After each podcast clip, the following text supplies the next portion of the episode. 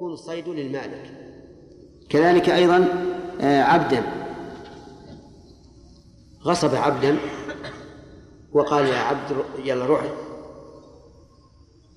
صد لنا طيورا صد لنا حمر وحش صد لنا ظباء وذهب وصاد. فلمن؟ فللمالك. وذلك لأنه كسب ملكه فيكون له كسب ملكه أي ملك المالك فيكون له. طيب ثالث فرسا. الفرس ليس هو الذي يصيد. العبد يصيد والجارح يصيد. الفرس لا يصيد بل يصاد عليه. والصائد هو الغاصب لأن الغاصب صاده بسهمه أو صاده بوثبه أما الفرس فليس له إلا العدو فقط. ولهذا ينبغي أن يفرق بينه وبين الجارح والعبد لأن الجارح والعبد حصل الصيد من فعلهما. وأما الفرس فليس من فعله. ولهذا نقول الراجح في مسألة الفرس أن الصيد للغاصب لكن عليه أجرة الفرس. ربما تكون أجرة الفرس أكثر من قيمة الصيد. قد يصيد حمامة قيمتها خمس ريالات ولكن استعمال الفرس خمسين ريال مثلا. المهم أننا في مسألة الفرس ينبغي أن أن يقال الفرس لم يصد به وإنما صاد عليه. فيكون الصيد للغاصب وعليه لمالك الفرس الأجرة. نعم يحيى.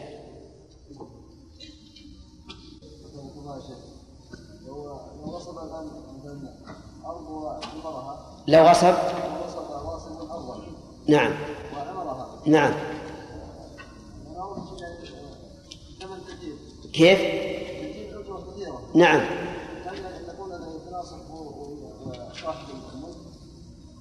لا هذا هذا قبل أن قبل أن يطالب صاحب الملك. إذا طالب صاحب الملك إن طالب بإزالة أزيل إلا على ما وصفنا إذا كان فيه مضار. وإذا لم يطالب فسيأتينا إن شاء الله تعالى حكم آه، هل لمالك الأرض أن يقول تبقى لي تبقى لي واعطيك قيمة البناء. يجينا إن شاء الله هذا. نعم. صيدا فأخذ ملوكية من صاحبه غصبه ثم صاد الصيد نعم. لم يغصبه وإنما أخذه بدون بدون حسب المياه عليه. طيب. الصيد للصائد. ولكن لم يأذن وإن لم يأذن كما كما لو أخذ سكينا وذبح بها الشاة. تكون الشاة لذاك ما تصدق المهم إن الصيد لصائده. نعم.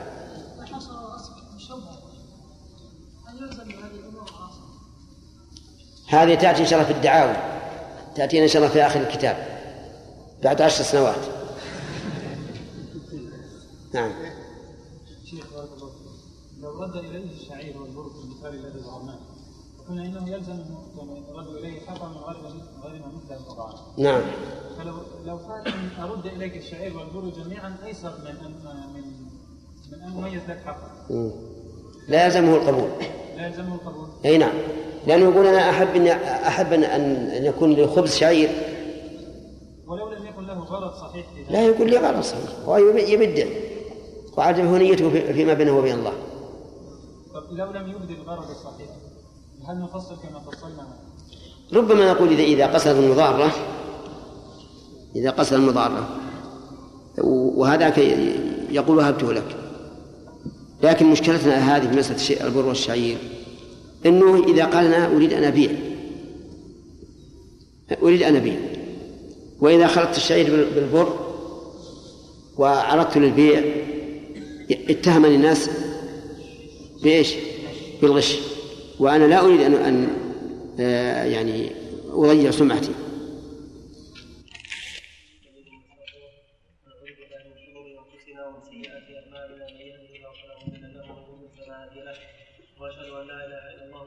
شريك له واشهد ان محمدا عبده ورسوله قال المؤلف رحمه الله تعالى في باب الغصب. ولو وصف جارحا أو عبدا أو فرسا فحصل بذلك صيدا فلمالكه وإن ضرب المقصور ونسج الغزل وقصر الثوب أو صبغه ونجر الخشب ونحوه أو صار الحب زرعا أو البيضة فرخا والنوى فرسا رده وأرش نقصه ولا شيء للغاصب ويلزمه ضمان نقصه.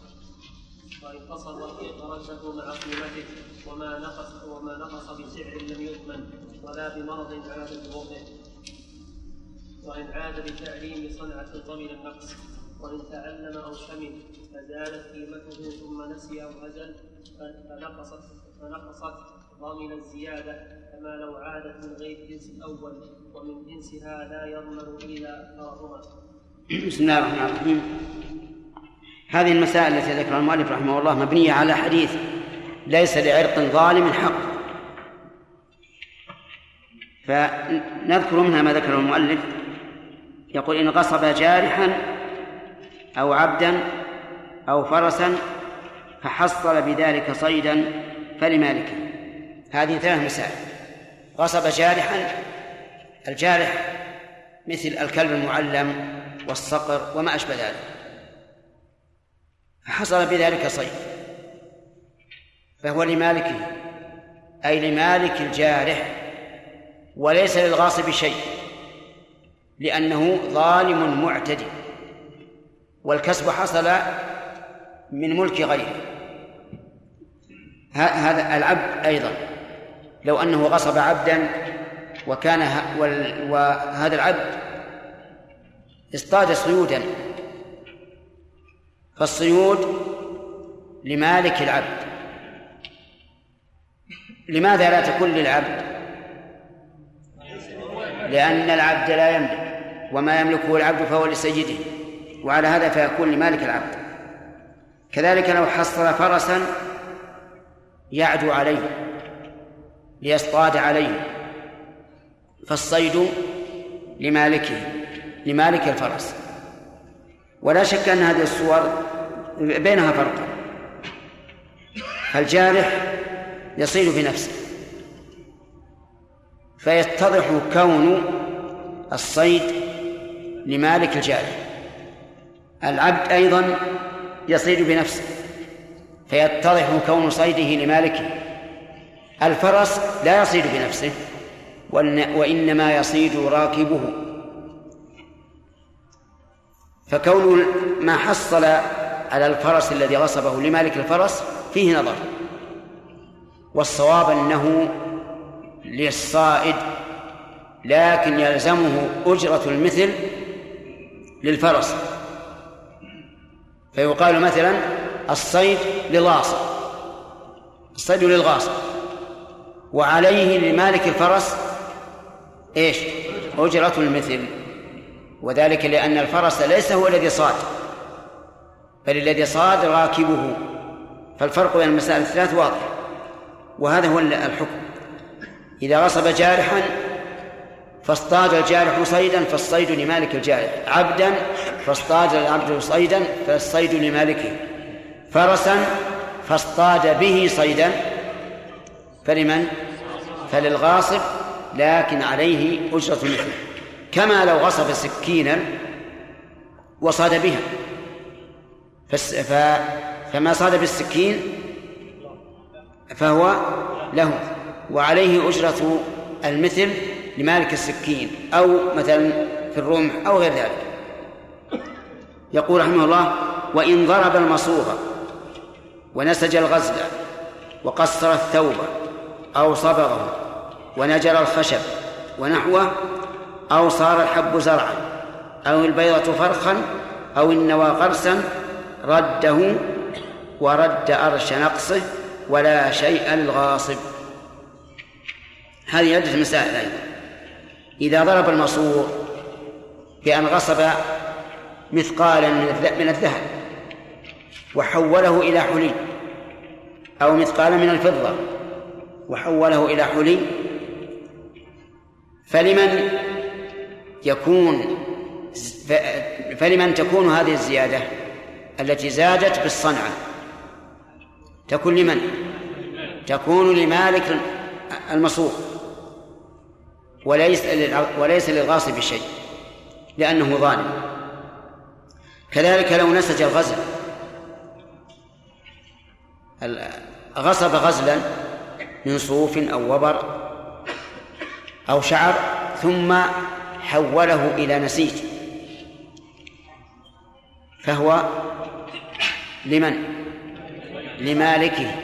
وليس للغاصب شيء لأنه ظالم.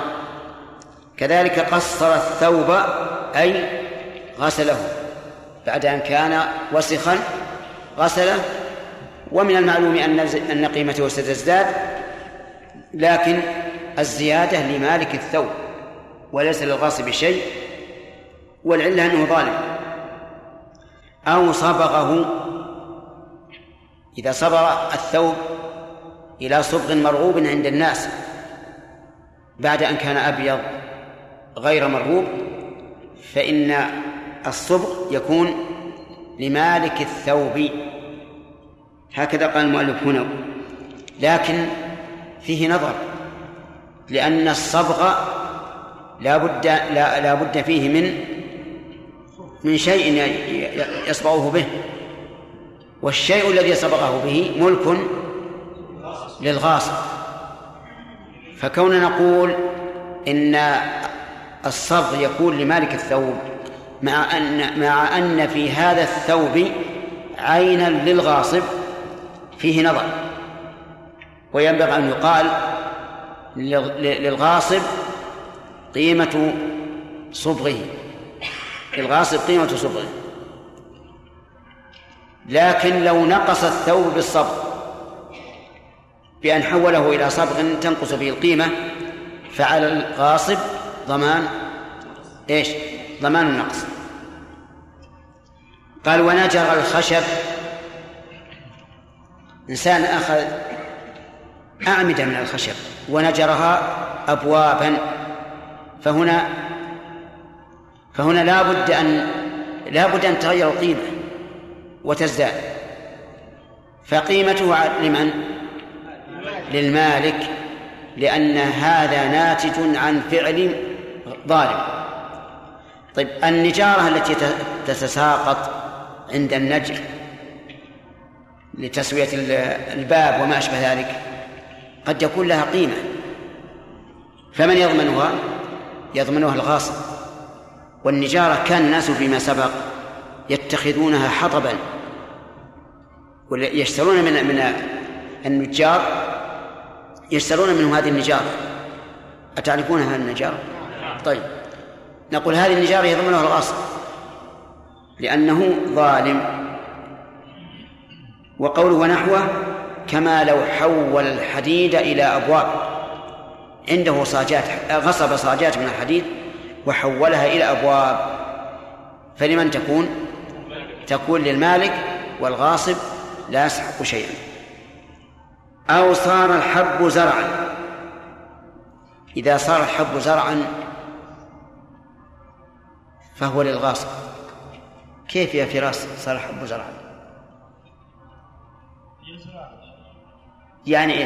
مثال مثال لو زرع لو اخذ حبه لو غصب القمح نعم. ثم الحب ألقى الحب في الأرض وصار زرعا. فالزرع لمن؟ زرع لمن؟ قتل للغاصب. الزرع للغاصب؟ لا هو على كلام المؤلف للمالك وهو كذلك. وهو كذلك. يكون الزرع هذا يكون الزرع لل... للمالك. لمالك الحب لا للغاصب. لأن هذا الزرع هو هو, ملك هو عين ملكه. لكنه تحول بإرادة الله عز وجل إلى إلى كذلك صارت البيضة فرخا. فالفرخ لمالك البيضة. يعني رجل غصب بيضة ووضعها تحت طائر وصارت فرخا. فالفرق هذا لمن؟ لمالك البيضة. لأنه هو ملك هو عين ماله وهل يستحق الغاصب في هذه المسائل أجرا؟ الجواب لا. لقول النبي صلى الله عليه وعلى آله وسلم ليس لعرق ظالم حق أو صار النوى غرسا. النوى معروف. وهو نواة التمرة. نواة التمرة. غرس نوى وصار يعني نعم. غصب نوى ووضعه في الأرض فصار غرسا. فالغرس لصاحب النوى. فهذا الذي غصب مئة نواة وركزها في الأرض دفنها في الأرض صارت كم؟ مئة نخلة. تكون لصاحب النواة. وليس للغاصب شيء لأنه ظالم. وقد قال النبي صلى الله عليه وسلم ليس لعرق ظالم حق يقول المؤلف إن ضرب المصروع إلى آخره الجواب جواب إن في هذه المسائل كلها رده وأرش نقصه. معلوم أن بعضه لا يمكن الرد مثل الحب يكون زرعا النوى يكون غرسا البيضة تكون فرخا. لكن الثوب إذا قصره يمكن يعني يرده أو لا؟ يرد الثوب ويرد نقصه يعني لو فرض أنه نقص بهذا وأنه كان في الأول جديدا لكن فيه وسخ ثم لما غسله صار غسيلا ومعلوم أن قيمة الغسيل إيش؟ أنقص من قيمة الجديد ولو كان وسخا لأن الذي يرى الجديد الوسخ يعلم أن استعماله قليل لكن الذي يرى الغسيل يقدر أنه استعمل استعمالا كثيرا ثم غسل طيب يقول رده وعرش نقصه ولا شيء للغاصب. أما وجوب رده فظاهر لأنه ملك لغيره فيجب رده إليه وأما كونه لا شيء له فلأنه ظالم. وقد قال النبي صلى الله عليه وعلى آله وسلم ليس لعرق ظالم حق. ويلزمه ضمان نقص هذه مسألة جديدة. يعني يلزم الغاصب ضمان نقص ما غصب من أي شيء من أي شيء كان. إن كانت أرضا فنقصت بحرثه إياها وتغييره إياها فهو ضامن. إن كان كتابا فاستعمله ونقص فإنه يلزمه ضمان نقص. وهذه مسألة مستقلة ليست مفرعة على المسائل التي ذكرها لأن المسائل التي ذكرها قال رده وأرش نقصه وانتهت انتهت. يلزمه ضمان نقص نقص إيش؟ المغصوب مطلقا. طيب. حبر استعمله فنقص. يلزمه ضمان نقصه ثم قال المؤلف رحمه الله وإن خسر رقيق رده مع قيمته. رجل غصب رقيقا فخصاه. وخصاء الرقيق حرام لأنه يؤدي إلى قلة النسل لكن الغاصب خصاه من أجل أن تزيد قيمته لأن الرقيق إذا كان خصيا كانت قيمته أكثر. لماذا يا أخ؟ أنت. لماذا تكون قيمة الخصي من الرقيق أكثر من قيمة الفحل؟ ها؟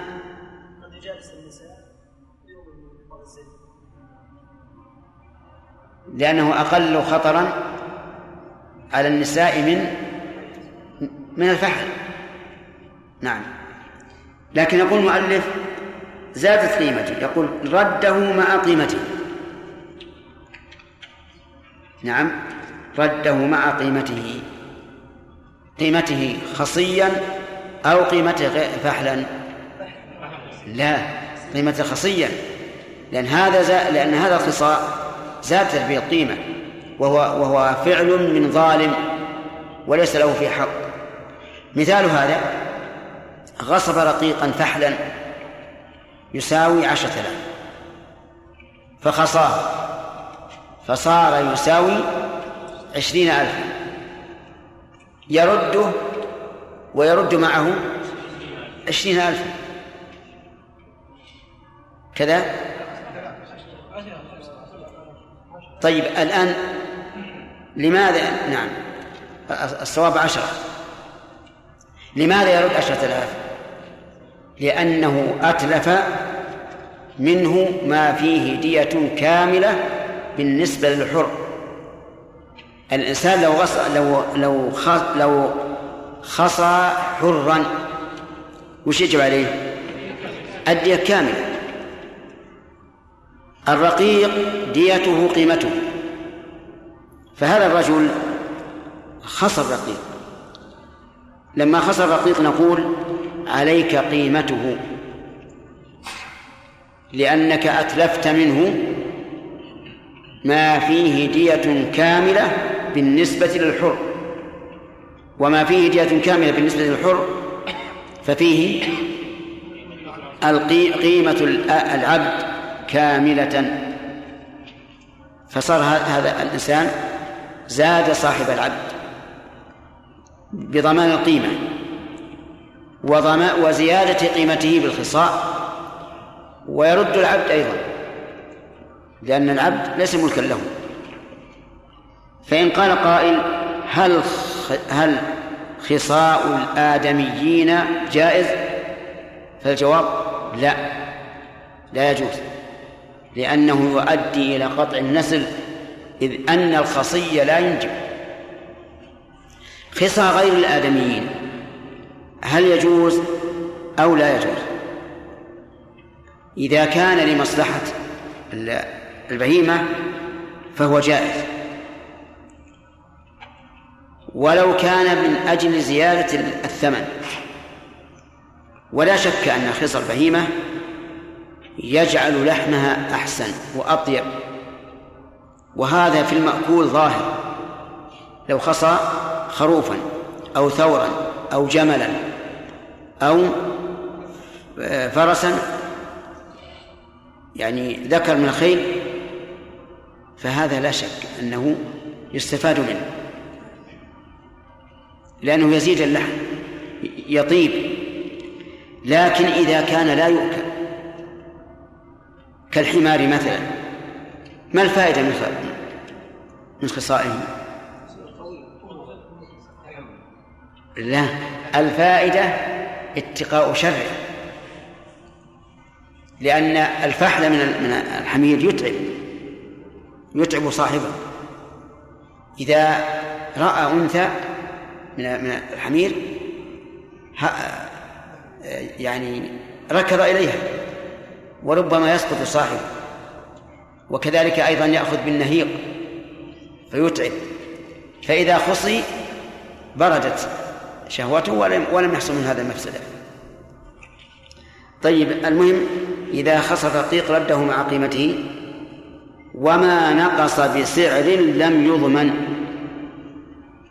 ما نقص بسعر يعني أن هذا الغاصب غصب هذا هذه العين تساوي عشرة آلاف. ثم نزل السعر حتى صارت لا تساوي إلا خمسة. فهل يضمن الخمسة أو لا يضمن؟ المؤلف يقول إنه لا يضمن. وهو المذهب.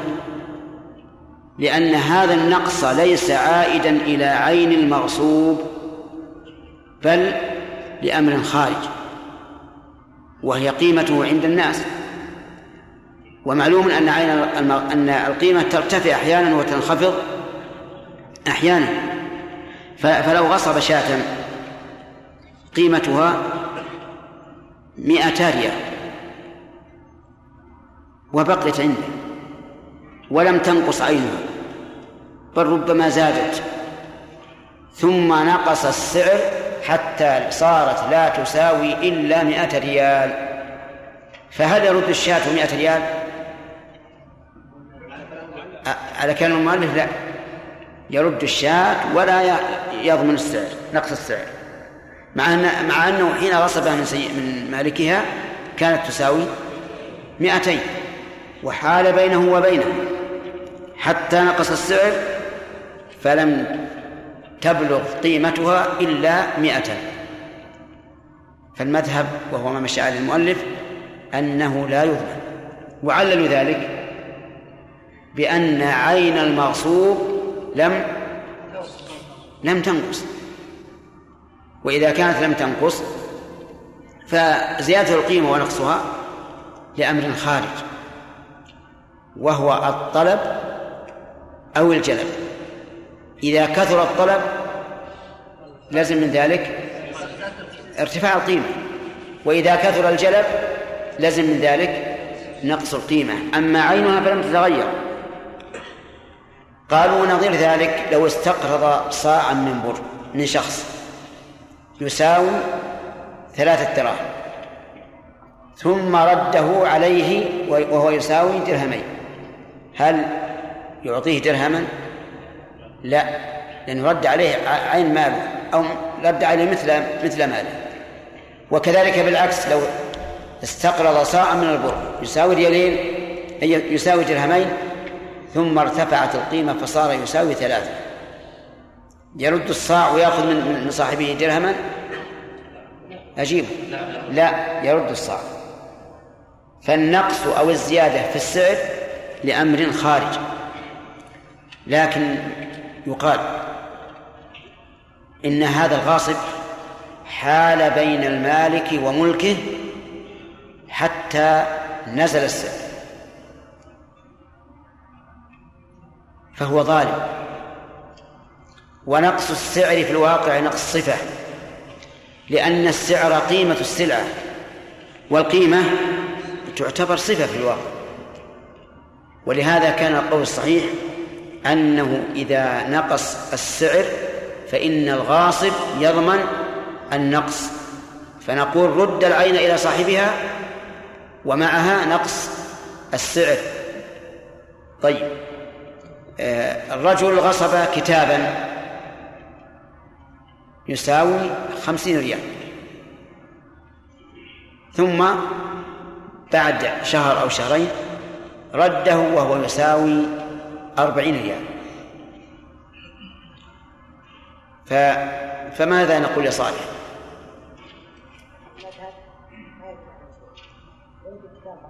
لا يضمن نقص السعر لكن إن كان إن كان الكتاب نقص بالاستعمال يضمن النقص. طيب. وعلى القول الثاني؟ يضمن نقص السعر فيرد الكتاب ويرد معه عشرة دراهم ويرد أيضا أرش النقص الذي حصل باستعمال الكتاب. وهذا القول اختيار شيخ الإسلام رحمه الله وشيخنا عبد الرحمن السعدي وهو الصواب. وهذا القول ينبغي أن يكون هو المتعين لأنه إذا قلنا إن السعر لا يضمن ربما يعتدي المعتدي على شخص فيغصبه ماله. ويحبسه عنده يريد أن تنقص الأسعار ثم يسلمه إلى صاحبه. وهذا لا شك في أنه يضمن لأنه لأنه تعمد إدخال إيش؟ الضرر على المالك فيضمن. يعني هذا ليس كالذي غصبه وحبسه ليستعمله أو لغير ذلك.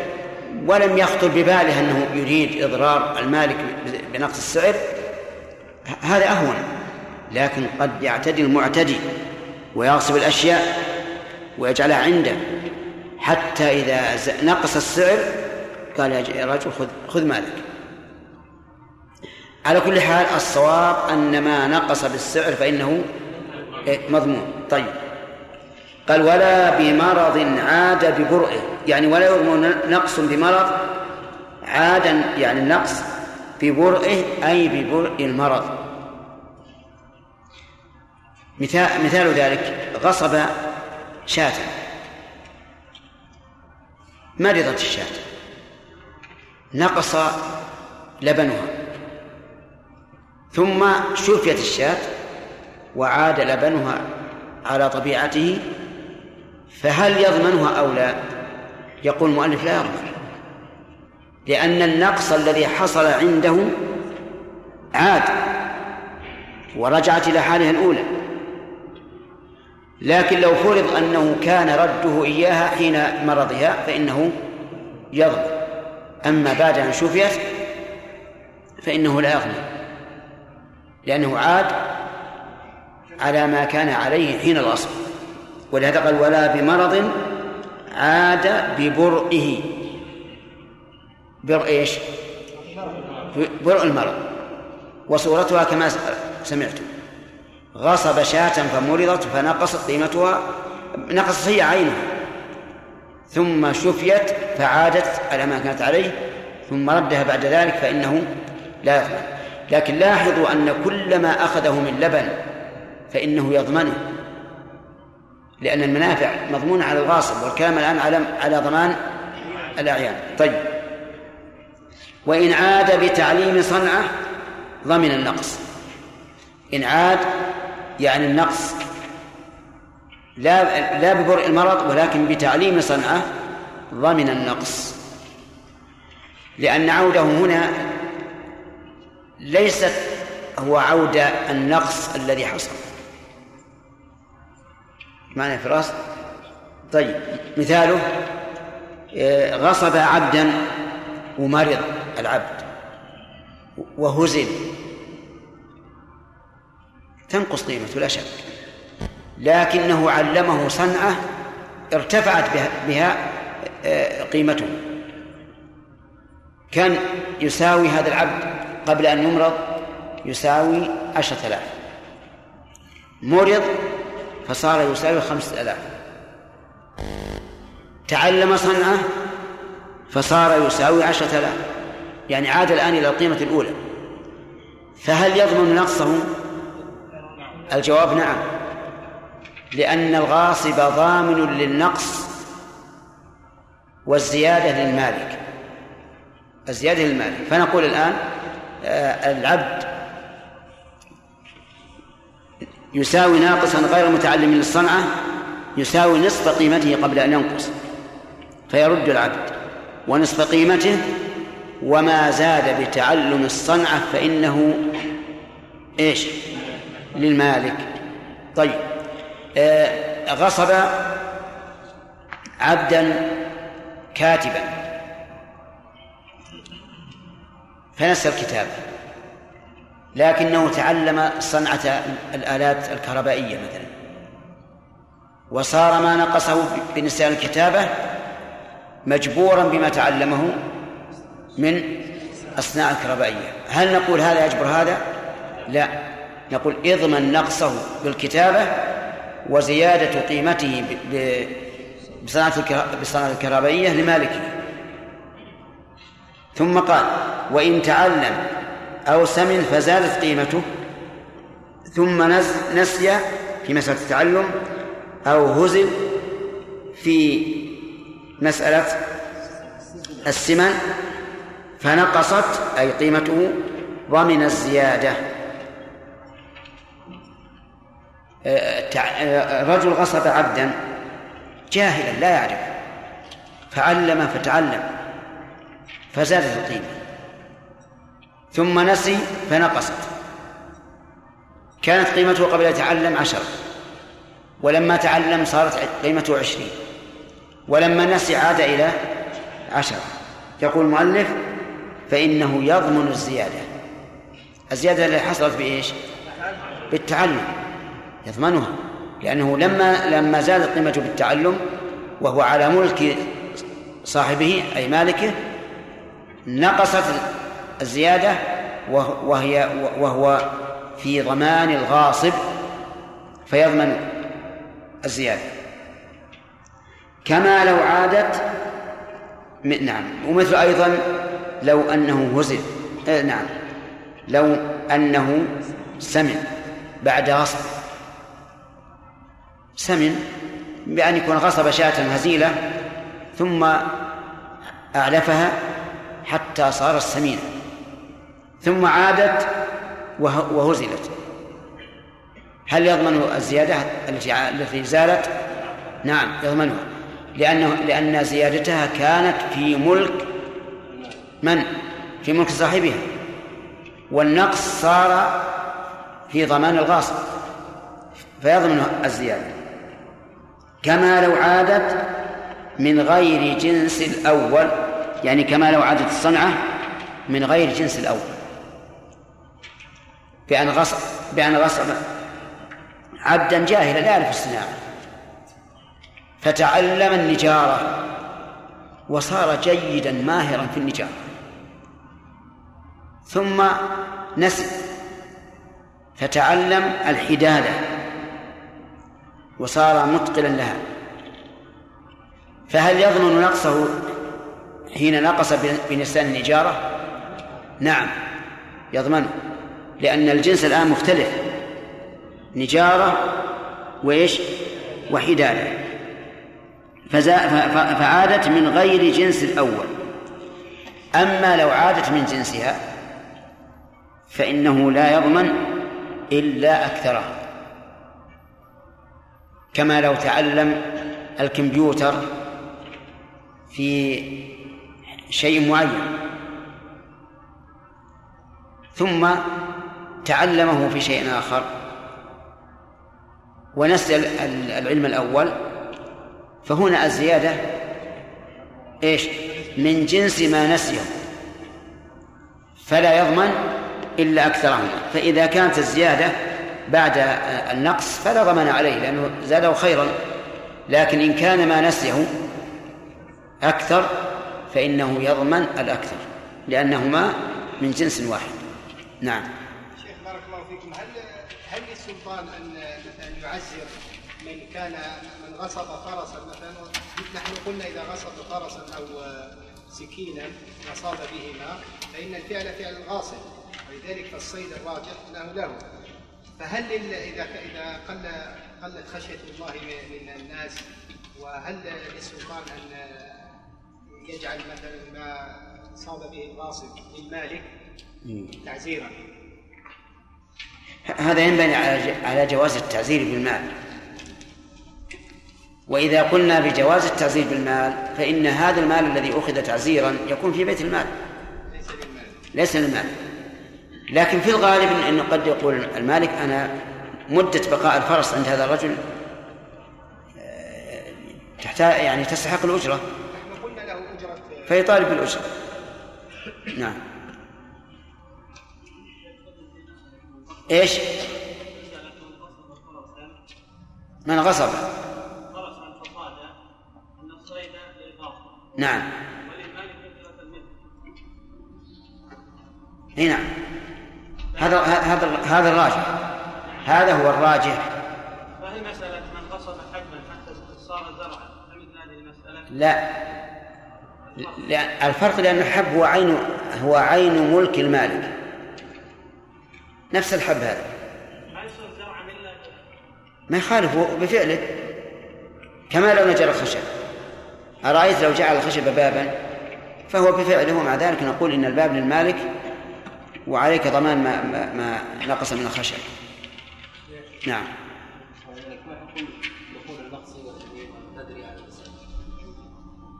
نعم. حكم القاعدة. كل من لا شهوة له فهو كالصبي. يعني يدخل على النساء ولا ولا ولا في شيء. نعم. في ضمان النقص والزيادة بالنسبة للغاصب نعم. هناك فرق بين الغاصب والسائل في هذا؟ لا لا فرق. كل الضمان واحد. كل من أخذ مالا من غيره بغير حق فإنه يعامل هذه المعاملة. نعم يا سليم. ناخذ قياس الشيخ على الصائد على على ان على ان الفرس له سهمين على ان إيش؟ على ان الفرس له سهم كالمغازي والفارس له سهم واحد رعى الفرس كالغنام له سهمين نعم اي الفارس الفارس له ثلاث اسهم اي نعم لا لا الفرس سهم مثل يعني زيادة عن عن حق أي معلوم. لأن لأن منفعة الفارس أكثر من منفعة الراجل بعض يعني بعض الطلاب استغرب يعني يعني تقدير ان إن إن غاصب الفرس لها لها الصيد ولها صاحب المالك لها. لا بينهما فرق. بينهما فرق لأن هذا انتفاعه بالفرس في, في القتال انتفاع في, في جهاد الأعداء. أما هذه مسألة مالية. لكن يا شيخ أنا أقول يعني مقصد يعني لأن أقول ما ما قررت وأنا أنا له وجه بين وجهه الشرع. يعني كيف؟ له وجه نظر الشرع. أيها؟ تدبيركم على على على صيد الغاصب والفرس إي. إيه نعم هذا هو الراجح. نعم. شيخ بارك الله فيك. قوله ومن جنس لا يضمن إلا اكثره نعم. لو تعلم صنعه مثلا بناء ثم نسي البناء وتعلم مثلا التمييز وكان الأخيرة أكثر أكثر نفعا. نعم. هل يضمن أم لا؟ لا ما يضمن لأن التلييس داخل في- في البناء. فالظاهر أنه من جنسه. قوله ولا يضمن الا اكثره يعني يعني مثلا لو كان لو كان لو كان البناء أكثر قيمة من التلييس ضمن الزيادة هذه. نعم. الشيخ أحسن الله إذا غصب عبدا فجنى العبد العبد عند الغاصب والعبد جنى نعم. على أحد كسر على الغاصب. تكون على الغاصب. الغاصب يتحمل جميع الن- الن- النقوص. وليس له شيء من الزيادة لأنه ظالم. نعم. فيما ذكر المصنف إذا صار الحرب زرعا أو البلد خلقا إذا قال الملك يعني ليس ليس لي غرض في أن ينتقل إلى هذه العينه هل له ان أن يقال الغاصب بمثل ماله الأول؟ هو الظاهر لأن لأنه تحول في الواقع تحول إلى إلى إلى زرع وهو يقول أنا لا أريد الزرع أنا أريد الحب. إيه، فله أن يطالبه بذلك. شيخ سلام عليك. وتبين وجه الفرق في إخراجنا للثوب المصبوغ إيش؟ في الثوب المصبوغ يا شيخ قلنا أن الصحيح أنه يرجع بقيمته على المالك إذا كان الصبغ مرغوبا فيه. نعم. لأن العين الصبغة عين زائدة على نعم. ما تبين الفرق خرجنا هذه الصورة عن باقي الصور اللي ذكرها المؤلف الفرق لأن هذا لأن الغاصب أدخل في هذا عين أخرى. وهو الصبغ. لو قال قائل كذلك في صياغة الحلي قد إيش؟ لو قال قائل في صياغة الحلي كذلك. في إيش؟ صياغة الذهب. إيه نعم. أدخل شيء زائد على ما أدخل شيء.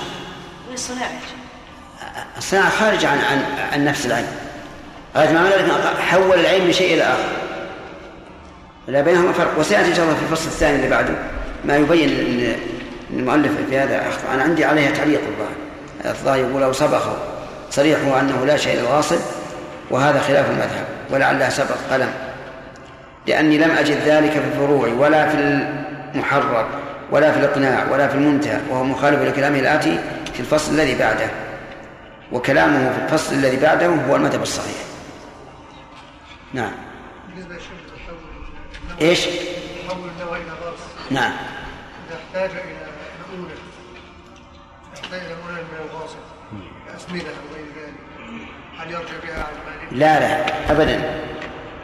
لا يرجع بشيء إطلاقا. ما قلنا في الثوب في المعصور أي نعم. أص... لأن لأن الصبغ في نفس العين. عين جديدة. في نفس العين ال- ال- الثوب هذا أبيض صبغه أسود. صار الصبغ في نفس العين. لكن مسألة السماد خارج عن عن عن الشجرة لا ما يضر. أبدا. حتى لو قلنا بهذا يقولون إذا علمه الصنعة فله أجرة التعليم. وليس له أجرة. حتى لو علمه خارج. وحتى لو علمه أيضا يحتاج إلى إلى أجرة منفعته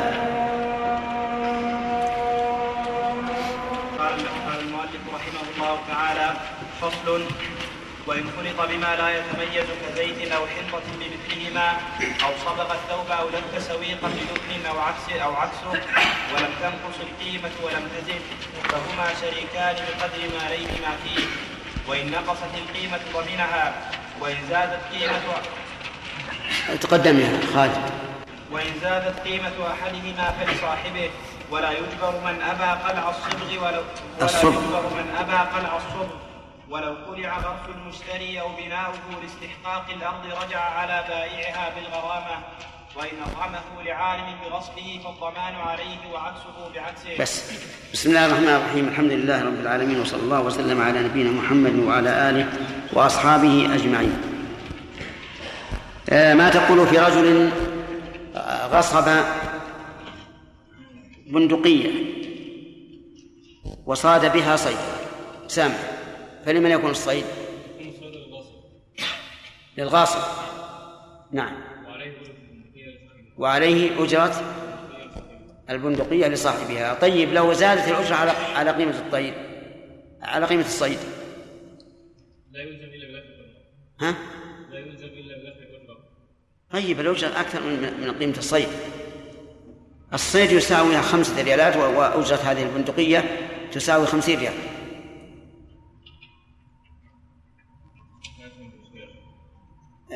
غصب بندقية وصاد بها صيدا صاد طيرا يساوي خمسة ريالات. قلنا عليك الأجرة والصيد لك. الأجرة يقول خمسين ريال. والصيد خمسة ريالات. لأن الغاصب يلزمه الأجرة إلى ان يوصل المقصود مهما بلغ نعم. يعني يلزمه الأجرة ولو زادت على منفعة التي انتفع بها. طيب. غصب فرسا. شراف. غصب فرسا فصاد عليه صيدا. فلما يكون الصيد؟ الصيد لصاحب الفرس لمالك الفرس. تمام. وتعب هذا في لحوق الصيد وط- ومطاردته هذا يذهب غاصب يذهب- هدرا لأنه غاصب وقد قال النبي صلى الله عليه وسلم ليس لك ظن حق هل هناك قول آخر نعم إنه يكون يكون لصاحب يكون غاصب وعليه. يكون الغاصب وعليه أجرة الفرس كذا؟ وهذا هو الذي رجحناه. طيب. لو غصب كلب صيد. أين أنت؟ كلب صيد فصاد به. لمالك. من؟ أو لمالك ماء لمالك ماء لمالك الكلب. كذا؟ الكلب. لصاحب الكلب؟ طيب. هنا صاحب الكلب يعني الذي غصبه ولا المالك له؟ طيب وهل يملك الكلب؟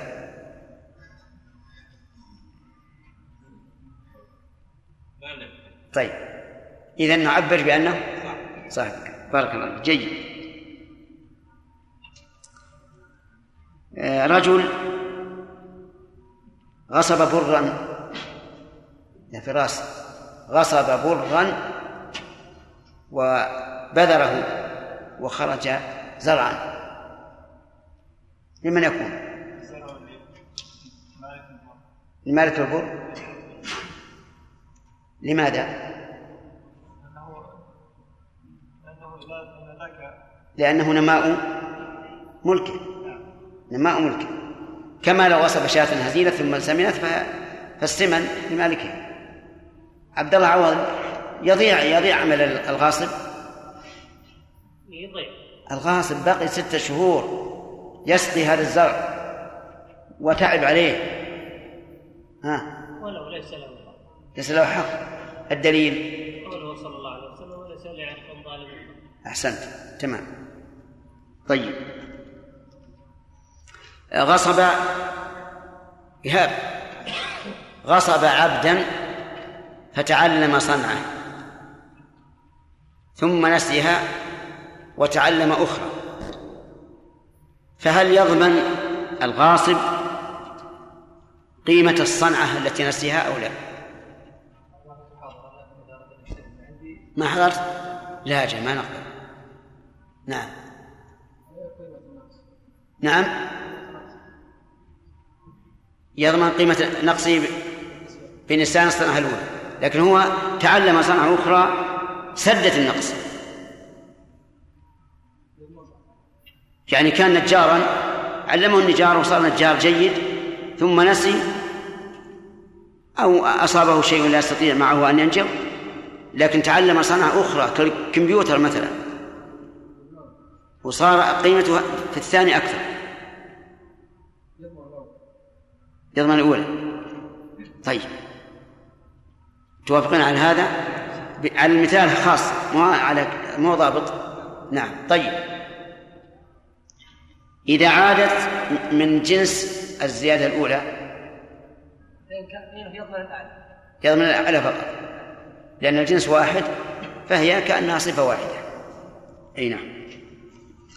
نبدأ الدرس الجديد الآن. قال المؤلف رحمه الله وإن خلط بما لا يتميز إن خلط الضمير يعود على المغصوب إذا خلط المغصوب فإما أن يخلط بما يتميز وإما أن يخلط بما لا بما لا يتميز. فهذان قسمان. الأول إذا خلط بما لا يتميز كزيت أو حنطة بمثله. ما مثل الزيت؟ الزيت. الزيت. الحنطة؟ الحنطة. غصب إناء من الزيت وخلطه بإناء عنده من الزيت الزيوت. هنا لا يمكن تمييز المغصوب من غيره. كيف يميزه؟ اختلط. حنطة بحنطة. اختلط. لا يمكن تمييز الحبة التي للغاصب من الحبة التي للمغصوب منه. فماذا يكون الحكم؟ قال المؤلف رحمه الله آه، ولم تنقص القيمة ولم تزد ولم تزد فهما شريكان بقدر ما عليهما فيه وإن نقصت القيمة ضمنها. لم تنقص القيمة ولم تزد فهما شريكان بقدر المال. مثال ذلك غصب صاعا من البر وخلطه بصاع من البر من جنسه. فهنا يكونان شريكين بشرط أن لا تنقص القيمة ولم تزد. فإن نقصت القيمة بالخلط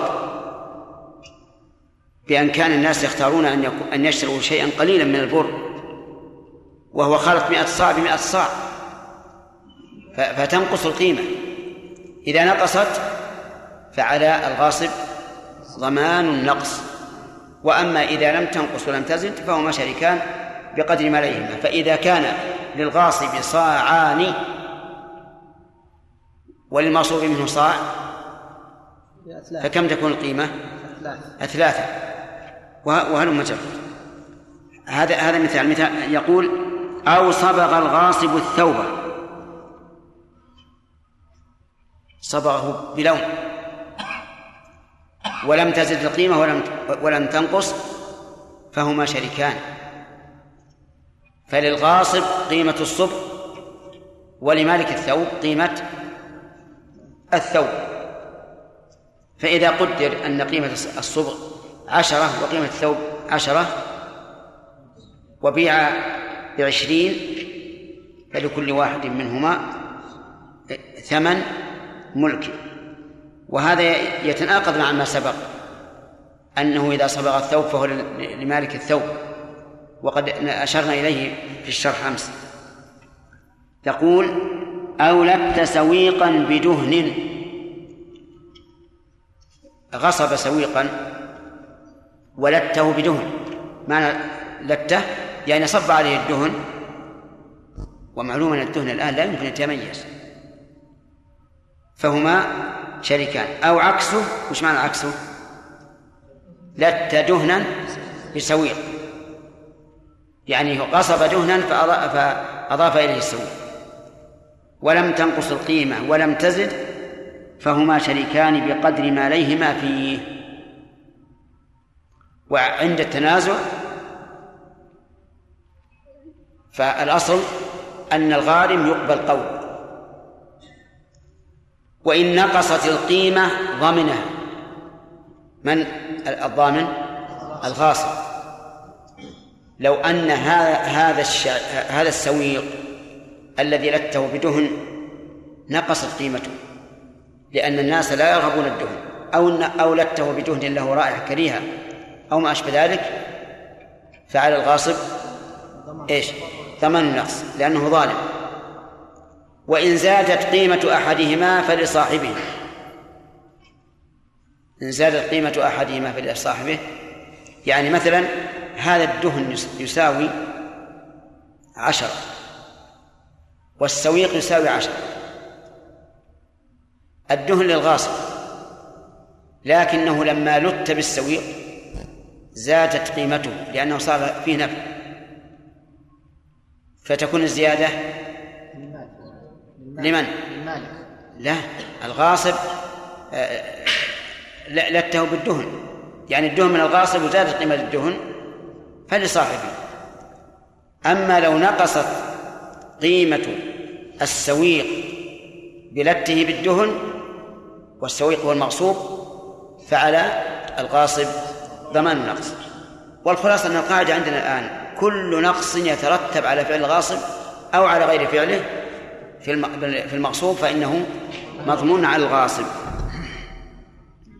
قال ولا يجبر من أبى قلع الصب.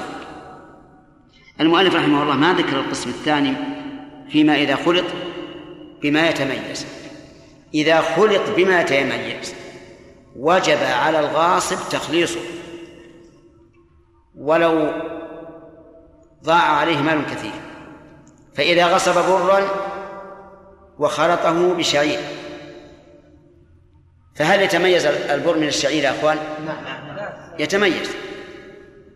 نقول للغاصب خلص البر من الشعير. قال يا جماعة هذا يتعبني ويكلفني. أبقى يومين أو ثلاثة وأنا أخلص هذا. نقول وليكن. لأن عين المال المغصوب الآن موجودة. فيجب ردها إلى إلى صاحبها. فإذا قال هذا إضرار بي فالجواب سهل. ماذا نقول؟ أنت الذي جنيت على نفسك. لماذا تغصب أولا؟ ولماذا تخلطه ثانيا؟ وليس لعرق ظالم؟ حق. إذا يلزمه التخليص ولو غرم أضعافه. يعني طيب لو قال الغاصب الآن أنا خلطت البر بالشعير. والبر الذي خلطته خمسة أصواع أنا أعطيك أيها المالك عشرة أصواع ما تقولون؟ هل يجبر الغاصب أو لا؟ يقولون لا يجبر. لا يجبر بل يقال خلص البر.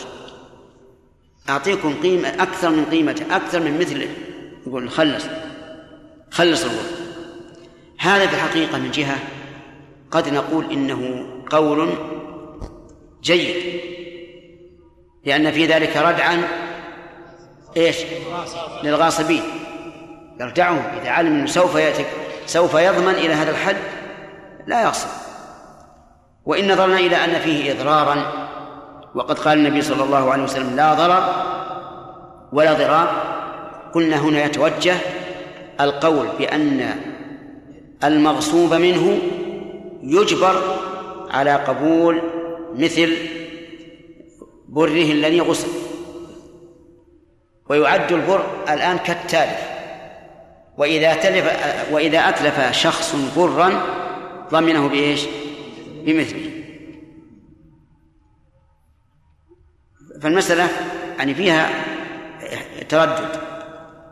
وحينئذ ننظر في مسألة القضاء والحكم بين الغاصب والموصول منه ننظر إلى المصلحة إذا رأى القاضي أن من المصلحة أن يلزم الغاصب بتخليص ما ما, ما المغصوب منه فليفعل وإن رأى العكس فلا حرج لأن المضارة في هذا واضح قال ولا يجبر من أبى قلع الصبح منين؟ من الذي يأبى؟ الغاصب أو المغصوب منه؟ نعم. على ما ندري هل هل هل المغصوب الصبغ أو المغصوب الثوب؟ على كل حال سواء هذا أو هذا. إذا قيل اقلع اقلع الصبغ. لا, يمكن هذا. لأن الصبغ بعد أن صار في الثوب صار من جنس الصفة. لا يمكن فصله عن الموصوف. وكيف يمكن أن أن أن يقلعه لا يمكن اللهم إلا أن يربص بالماء ثم يخرج الماء مثلا ملونا بلون هذا الصبغ ويعود الثوب على ما كان عليه. وهذا فيه إفساد. حتى الثوب يتضرر بهذا. فلا يجبر من أبى قلع الصبغ. طيب إذن كيف تكون الحال؟ نقول الحال كما قال بالأول. إذا غصب الثوب صار إذا صبغ الثوب صار شريكا لصاحب الثوب. هما شريكان. طيب فإن قال صاحب الثوب أنا لا أريد مشاركته. ثمنوا صبغة وأو سلم الصبغ. فهنا نقول نعم نجيبه إلى هذا. نجيبه إلى هذا. إذا قال أنا لا أريد مشاركته هذا لو شاركته في هذا الثوب وأردت أن أبيعه قال لا ما, لا تبيع. أردت أن أبقيه قال لا أبيعه يحصل نزاع ولا ما يحصل؟ يحصل نزاع لا شك. فنقول إذا طلب صاحب الثوب أن يدفع قيمة الصبغ ويكون له الثوب مصبوغا فإنه يتعين إجابته.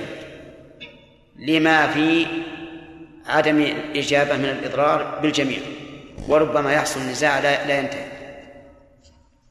قال رحمه و ولو قلع غرس المشتري أو بناؤه لاستحقاق الأرض رجع على بائعها بالغرامة. رجل آه، باع أرضا والمشتري غرس فيها أو بنى ثم أقام مالك الأرض بينة على أن هذا غاصب. الآن الأرض مستحقة لمن؟ للذي أقام البينة على أنه ملكه تبين الآن أن الأرض التي باعها الغاصب مغصوبة لا يصح العقد عليها. صاحب الأرض قال للمشتري الذي غرس أو بنى قال اقلع الغرس اقلع البناء. فهنا يرجع على المشتري يرجع على البائع لأنه غره حيث أظهر أنه مالك. طيب وهل يرجع المالك على الغاصب رأسا؟ لأنه قد يكون من مصلحة المالك أن يرجع على الغاصب.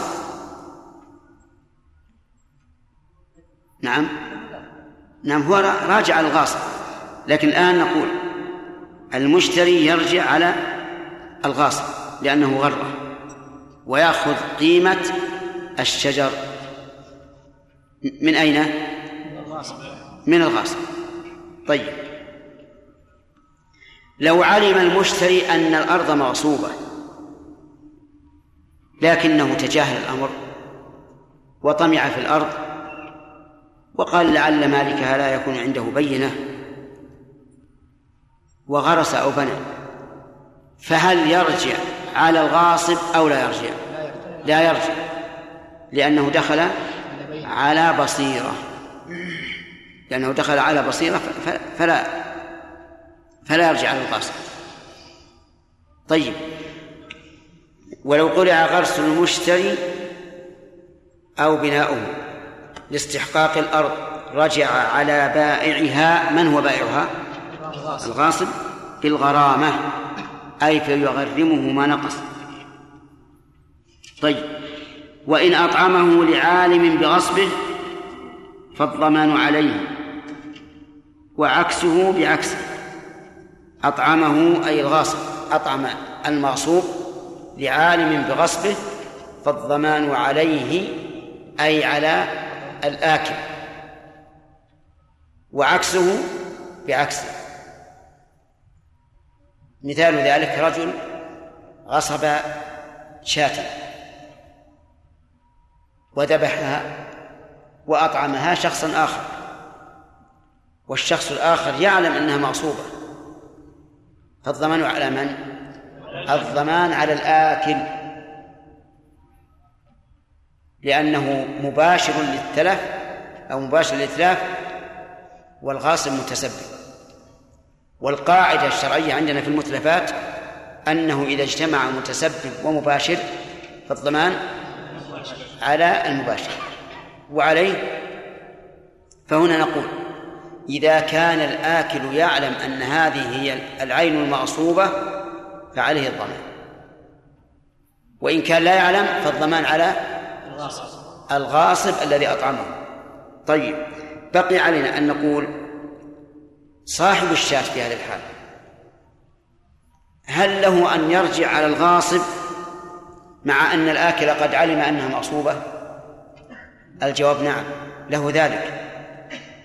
فهو مخير بين أن يرجع على على من؟ على الغاصب أو على الآكل. لكن قرار الضمان قرار الضمان على الآكل إن كان عالما بالغصب وإن لم يكن عالما بالغصب فالقرار على الغاصب. حينئذ نقول يخير المالك بين الرجوع على الغاصب لأنه هو الذي غصب ملكه باشر الغصب والرجوع على الآكل لأنه هو لأن التلفة كانت تحت يده ولكن إذا رجع على أحدهما فعلى من يكون قرار الضمان عليه؟ نقول على الآكل إن كان عالما بأنه مغصوب. وعلى الغاصب إذا كان الآكل غير غير عالم. وقد ذكر ابن رجب رحمه الله أن في القواعد الفقهية أن الأيدي المترتبة على يد الغاصب عشرة عشر أيدي وأنها كلها أيدي ضمان يعني يصح أن نضمنها إلا ما دخل الذي انتقلت إليه على أنه لا ضمان عليه فلا ضمان عليه. في أسئلة الآن؟ نعم. وهي؟ وذكر الرجل. نعم. المسألة الأخيرة ما ذكر ابن رجب الآكل الآكل. دخل الذي أطعمه الغاصب دخل على أن الأكل مضمون عليه ولا غير مضمون؟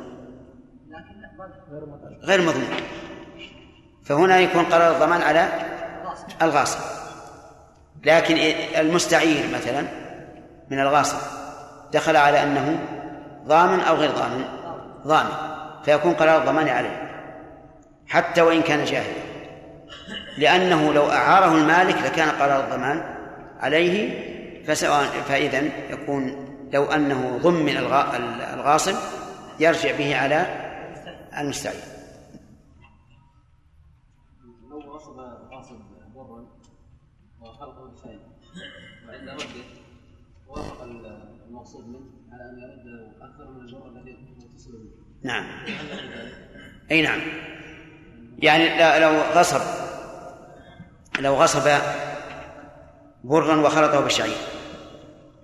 غصب صاعا وخلطه بشعير وقال لصاحبه أصالحك على أن أعطيك صاعين فلا بأس. هذا من باب المصالحة. ها؟ مع أنه مثل نعم مع أنه من المال الربوي المصالحة لا بأس بها. نعم. مصلحة عامة أرض مدرسة. وباعها على الإنسان. الإنسان إذا أراد أن يبني في هذه الأرض المشتري يمنعه منها فيقول أعيد لي المال كيف؟ غصب أرضا معدة لمدرسة. طيب. على المشتري نعم. هل نرجع على المشتري أو على البائع الأول؟ يعني الحكومة ترجع على من شاءت أو أصحاب الطريق ترجع على من شاءت. المشتري دفع مال نعم. ما يخالف ترجع على المشتري وهو يرجع على البائع. يبقى في ذمته. نعم. لو لو لو زادت قيمة المغصوب الذي أعاره الغاصب ال- المالك يرجع على من؟ في الزيادة هذه؟ يرجع على الغاصب ولا على المستأجر؟ كما لو كما لو تلف الأصل. يعني لو زاد فالزيادة لصاحب الملك للمالك الأول. نعم لكن هو يرجع. ولكن لو نقص فإنه يرجع إما على المستعير وإما على المعين مخير. نعم. هذا مسألة هذا صح في كيف؟ أي نعم. أي نعم.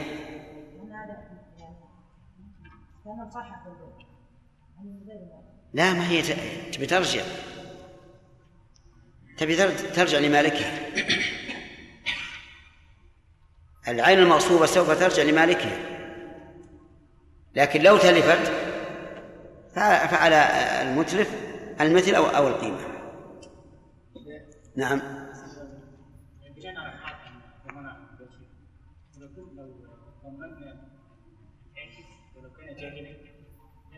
لو كان نعم. أي لكن أكل على أنه غير مضمون عليه. على أن ذاك متبرع به. من؟ إيه، نعم. للمالك إن كان عالما فعليه. وإن كان جاهلا فإن على على المؤكل على الغاصب. لكن لكن نقول إذا غرم المالك الآكل فللآكل أن يرجع على الغاصب. نعم يا سليم. مثلا مر علينا في الدرس إن من سرق من غصبا ومن على الأكل ما هي على على على الغاصب على الآكل إن كان عالما. نعم. ولكن يا شيخ نفس الشاة هذه. حية تسوى لها 500 ريال وميتة تسوى لها يعني 100 ريال. وهذا هو اللي يترك المصلحة العامة. هو ال ال الآكل يضمنها لحما كما أكل. وإذا كانت تختلف القيمة كما قلت فالزائد على الغاصب. لأنه هو الذي ذبحها. أما لو أنه غصبها ثم أعطاها هذا الرجل وذبحها فهذا الرجل يضمن يضمن قيمتها على أنها حية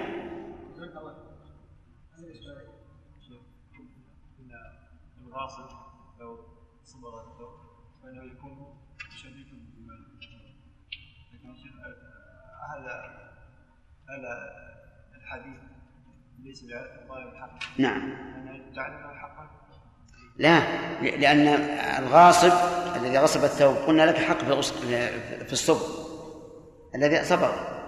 نقول له حق في الصبغ. لأن الصبغ عين وملكها باقي لكن لو زاد الثوب بالصبغ قلنا الزيادة لمالك الثوب. وليس لك حق في الزيادة. أما قيمة صبغك لابد أن نعطيه اليوم.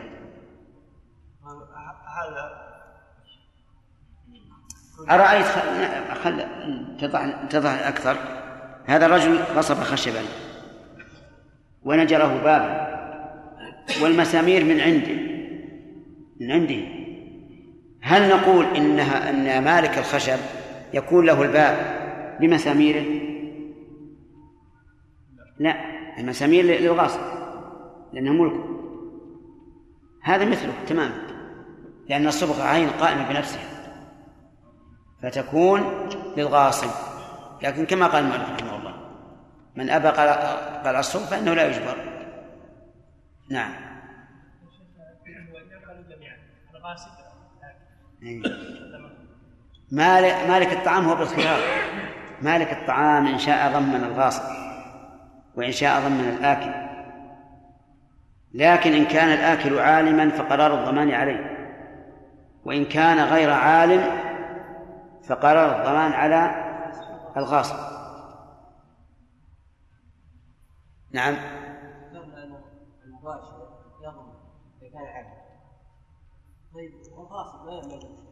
إيش؟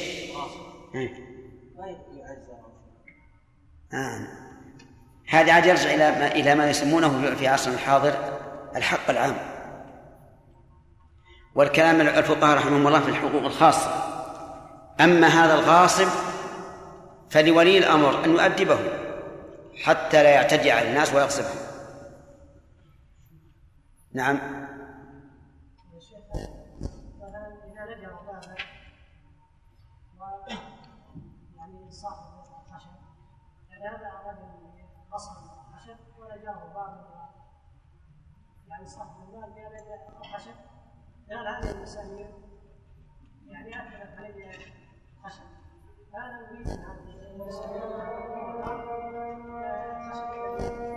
لا لكن هذه المسامير زادت قيمة الخشب بها. لا لا المسامير له ثمن له. الله أكبر. الله فلا مضل له ومن يضلل فلا هادي له. وأشهد أن لا إله إلا الله وحده لا شريك له وأشهد أن محمدا عبده ورسوله. قال المؤلف رحمه الله تعالى في باب الوصف وإن أطعمه لمالكه أو رهنه أو أودعه أو آجره إياه لم يطرأ إلا أن يعلم ويطرأ بإعارته وما تلف أو تغيب من مغصوب. تعيب. وما تلف أو تعيب بالعين وما تلف أو تعيب من مغصوب مثلي غرم مثله إذا وإلا فقيمته يوم تعجره ويضمن غير المثلي بقيمته يوم تلفه وإن تخمر عصير كالمثل فإن انقلب خلا دفعه ومعه نقص قيمته عصيرا. بسم الله الرحمن الرحيم. سبق لنا أن جميع ما يحصل من نقص بيد الغاصب فهو مضمون عليه. وما حصل من زيادة فهو لمالكه هذا القاعدة العامة. واستدلنا لذلك بقول النبي صلى الله عليه وعلى آله وسلم ليس لعرق ظالم حق ثم ذكرنا أنه إذا خلط المغصوب بغيره فعلى قسمين فهد. إما أن يكون مما يتميز. إن كان مما يتميز أجبر على تمييزه. أجبر على تخليصه. إذا خلطه بما بما يتميز أجبر على تخليصه ولو غنم. أضعاف أضعاف القيمة والثاني القسم الثاني؟ كان مما لا يتميز. القسم الثاني أن يخلطه بما لا يتميز. فما الحكم؟ هذا إن نقصت القيمة إن لم تنقص القيمة فهما شريكان بقدر ما ليه وإن نقصت القيمة أو زادت فالنقص على الغاصب وزيادة لصاحبه. يعني يشتركان في هذا. يشتركان في المخلوط. على حسب ما لديهما فمثل صاع بصاعين من صاحب الصاع له الثلث وصاحب الصاعين له الثلثان. ثم إن نقصت قيمة المغصوب ضمنها الغاصب وإن زادت فللمالك. طيب. مثال المخلوط بما يتميز. عبد الله. مثل أن يخلط حنطة بشعير. فماذا يعمل؟ يجبر على التمييز يجبر يلقط الحنطة؟ نعم يلقطها نعم يجبر على تمييز الشعير. أي هو؟ ما يتميز إلا بالتلقيط. يلقطها حبة حبة؟ هو إما أن يقال أنه يكون كالثالث أسألك إما أن يقال وما يقال كلام على كلام المؤلف اللي إحنا شرحنا. نعم يجب على هذا. يلقط حبة حبة؟ ولو كان وعاء كبيرا يبقي يومين ثلاثة أيام. ولو بقي توافقون على هذا؟ نعم. لأن ملك الغاء لأن الملك معين الآن وثابت لصاحبه. طيب. إذا كان لا, لا يتميز سامح؟ مثل إيش؟ طيب. كخلط زيت بزيت. أو بدهن مثلا. ها. نعم ولا يكونان شريكان فيه. ويضمن المغصوب النقص النقص فهنا لا يمكن التمييز. طيب. يكونان شريكان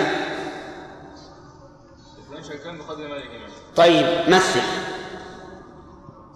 غصب صاعين من زيت. نعم. بصاع. هنا إذا لم تنزل القيمة ولم تنقص. فلمالك الزيت؟ زيت صاعان يعني ثلثان. طيب وللغاصب الثلث طيب. نقص القيمة وإن نقصت يكون للمالك الثلثان وله آه، النقص. يضمن الغاصب النقص طيب. صحيح. واضح؟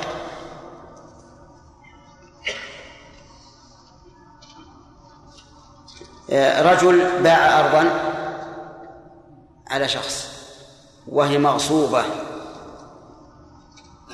فطلب من المشتري أن يخلص الأرض.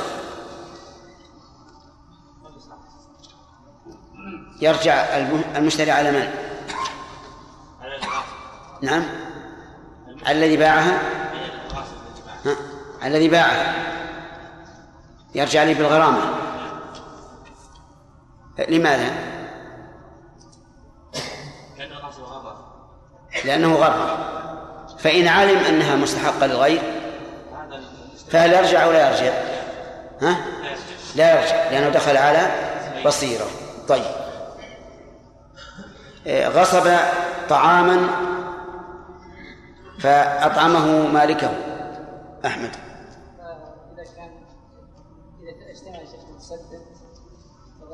إلى الآن ما وصلنا التعليل إنسان غصب طعاما خبزا وأطعمه مالك هل يضمن أو لا يضمن؟ لكن مالك على مالك شيخ ها؟ ما شرحت؟ ما شرحت هذه؟ ها؟ للمالك صف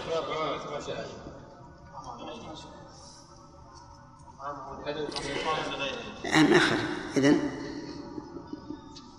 نبدأ أجل بسم الله الرحمن الرحيم درس الليلة قال وإن أطعمه لعالم بغصبه فالضمان عليه هذه شرحناها يا أخوان طيب. وعكسه بعكسه. شرحناها أيضا؟ طيب. وإن أطعم وإن أطعمه لمالكه فإنه لا يبرأ إلا أن يعلم. رجل غصب طعاما كخبز ورز وغيره فأطعمه لمالك. المالك أكله. على أنه ملك الغاصب. فهنا نقول إنه لم يبرأ يعني الغاصب لا يبرأ إلا إذا أعلمه بأن قال تفضل أنا غصبت هذا المال منك والآن نتائب فتفضل كله. فإذا أكله برئ لأنه علم. كذلك لو لو رهنه إياه. استدان من المالك دينا. وأرهنه المغصوب. فإنه لا يبرأ. لماذا؟ لأن الراهن داخل على أن لأن المرتهن داخل على أنه لا ضمان عليه. يده يد أمان. فلو تلف فإن الغاصب لا يضمن إلا إذا أعلمه. بأن قال إن الذي رهنتك هو مالك. نعم. الغاصب. إذا إذا إذا, إذا رهنه شيئا. فيده أي يد المرتهن يد أمانة. إذا تلف بغير تعد ولا تفريط فلا ضمان عليه فإذا رهنه أي رهن المغصوب لمالكه. فإنه لا يبرأ.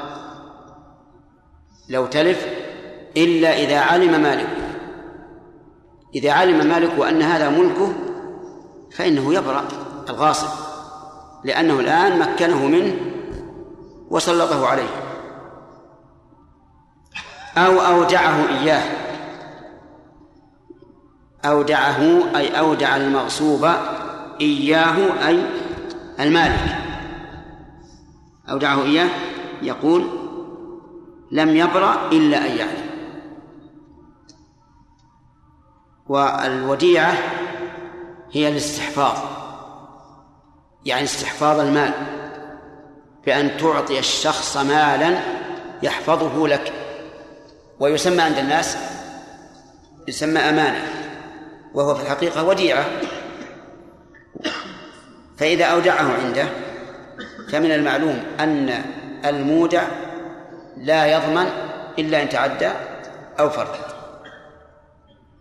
فإذا أعلمه أي الغاصب أن هذا ملكه برئ منه سواء تلف أو لم يتلف لأنه إذا تلف فهو بيد مالكه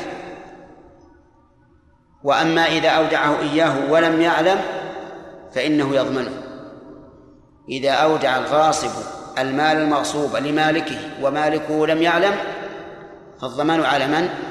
على الغاصب حتى لو تلف تحت يد المودع المودع بلا تعد ولا تفريط فإن الغاصب يضمنه لأنه معتدي والمالك أخذه على أنه ملك لمن؟